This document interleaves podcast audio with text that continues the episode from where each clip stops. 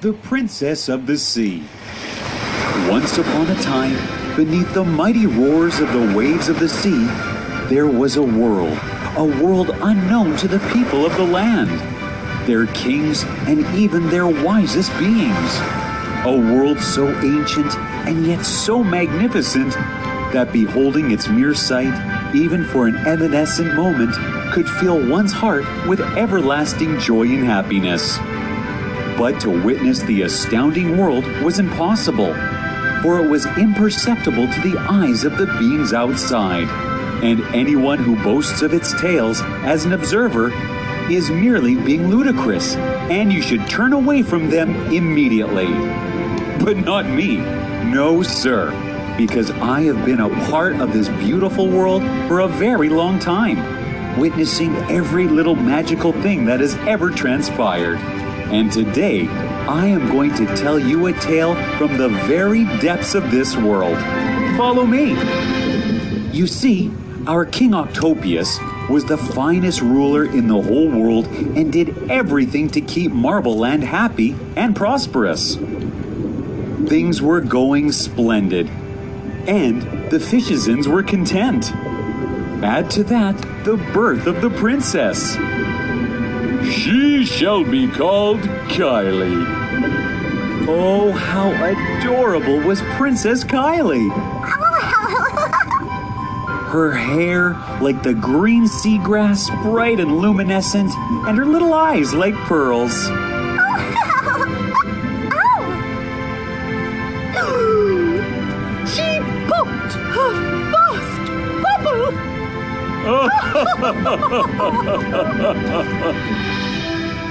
But the tides were about to change as the evil spirit of the sea, Finara, who awoke from her long slumber, directed her gaze towards our world. Rambut indah butuh perhatian. Greetings to the great king of the sea, the mighty Octopius, and to her grace, Queen Marina. It is I, Finara, who has come to you bearing gifts for the princess. I've heard she is the prettiest being in all of the sea. Thank you, Finara. She indeed is the prettiest. Then I shall see her at once. I am so excited to give her my blessings. Um, you know what? We're not exactly too comfortable with that idea. Your reputation precedes you, so. Octopius, you're humiliating me in front of your fishizens. I'm extremely sorry. But a parent ought to do what a parent does. Uh, no offense, please. Oh! None taken, King. None taken. Finara wasn't going to take humiliation with a smile.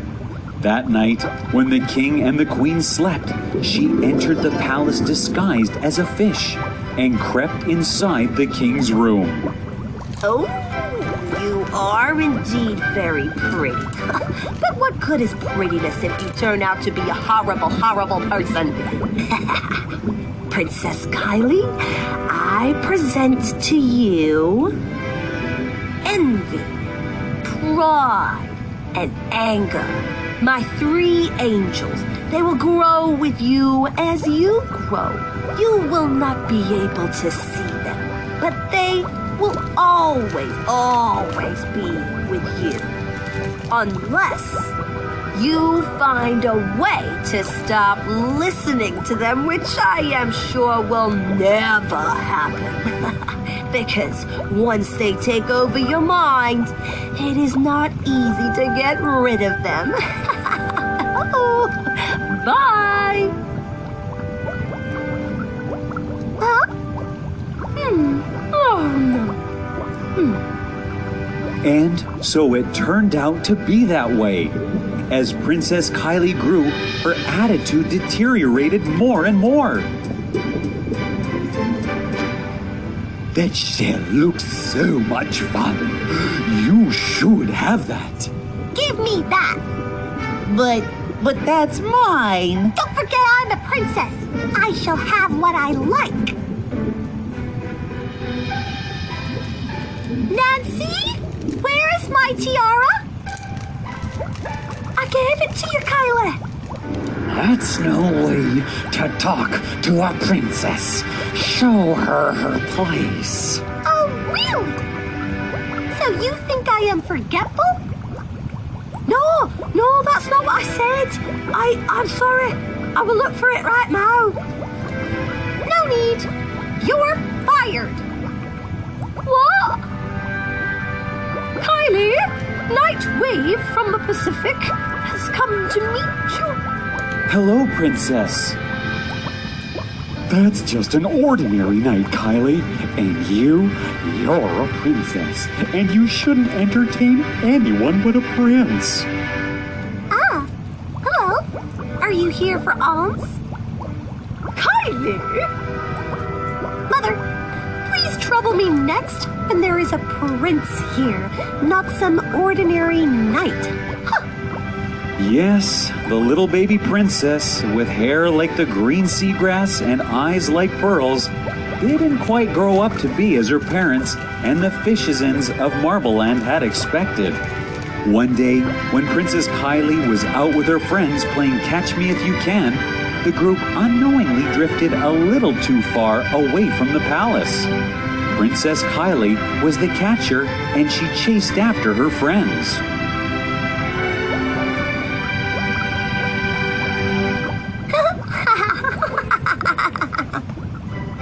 As the princess went after her friends, suddenly she caught sight of something. Something that glowed from the surface of the sea. Curious, she turned towards it and began to swim across to its sight, not knowing that she was drifting further and further away from her friends. What is that? As she swam, she felt hypnotized and drawn towards the light. So much that she did not notice the edge of a rock and. Ah! The princess at once fell down, unconscious. That's when from the glowing light emerged a being. A being radiant and sparkling. She was the soul of the sea, the fairy Benigna. So, it is what I had suspected. You're under the influence of Finara's evil spell. Under the rule of the sea, I cannot remove a spell that you've carried inside of you for so long, but I can help you overcome them. I give you generosity, kindness, and humility. They shall be with you, guide you, and try to show you the correct path. But to listen to them rests upon you. Be well, princess. Huh? The princess? Princess Kylie, wake up! Huh? Um, what? You? Where am I? You're in a place that's not very safe for a princess. Are you all right? I I was playing with my friends and there was there was this bright light. Oh, I don't feel so well. Oh, let me take you back to your palace. Come. Really? He's going to take you home this plain knight? You're better off alone. Hmm. Why would I? You're not better than another because you think you are. Greatness lies in being humble, not in arrogance. Um, actually, that would be very kind of you. Thank you. But why are you helping me? I have been nothing but unkind to you. As a knight, it is my duty to protect people who are in need of help. So, did you find your prince finally? Not yet, but I shall soon. My best wishes. Thanks.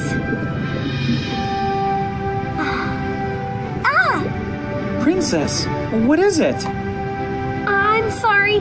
I cannot swim anymore. I need to rest for some time if that's okay. Of course. Are you hungry? I am starving. I will go get something for you to eat. Will you be all right? Mm-hmm. As Knight Wave swam away, Princess Kylie realized how mean she had been to him. She felt horrible.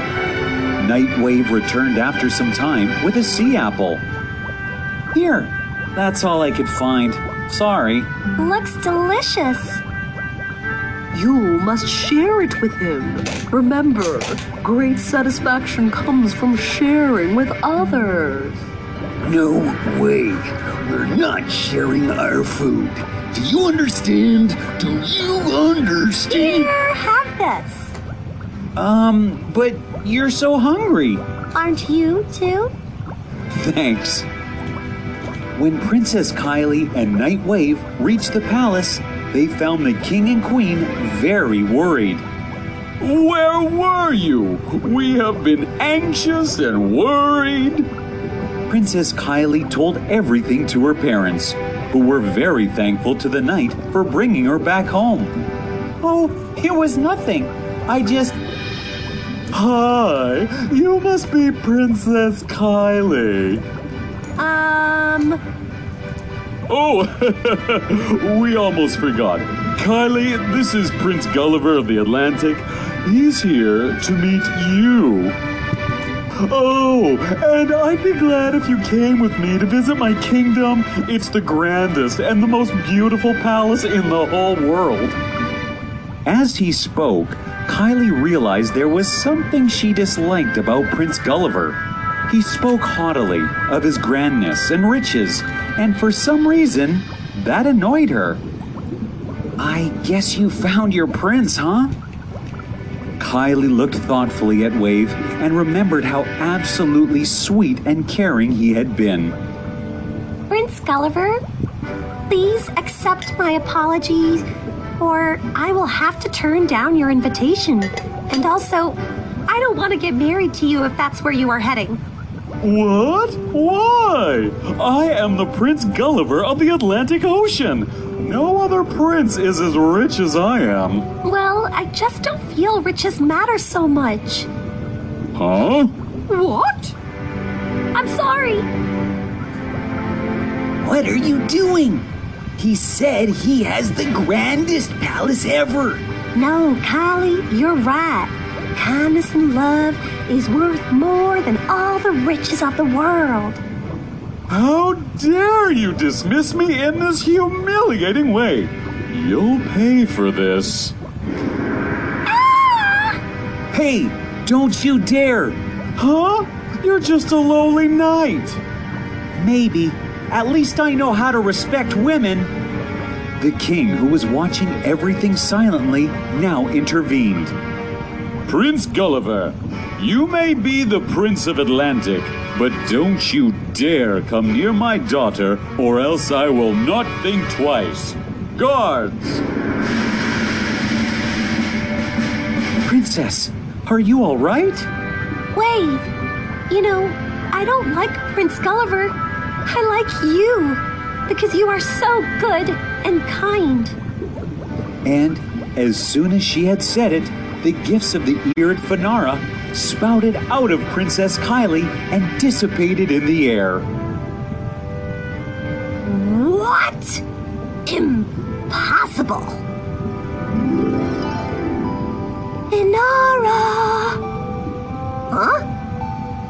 I had sent you to a long slumber because of your misdeeds, but you haven't learned a thing. Therefore, I put you back into the prison of sleep. No!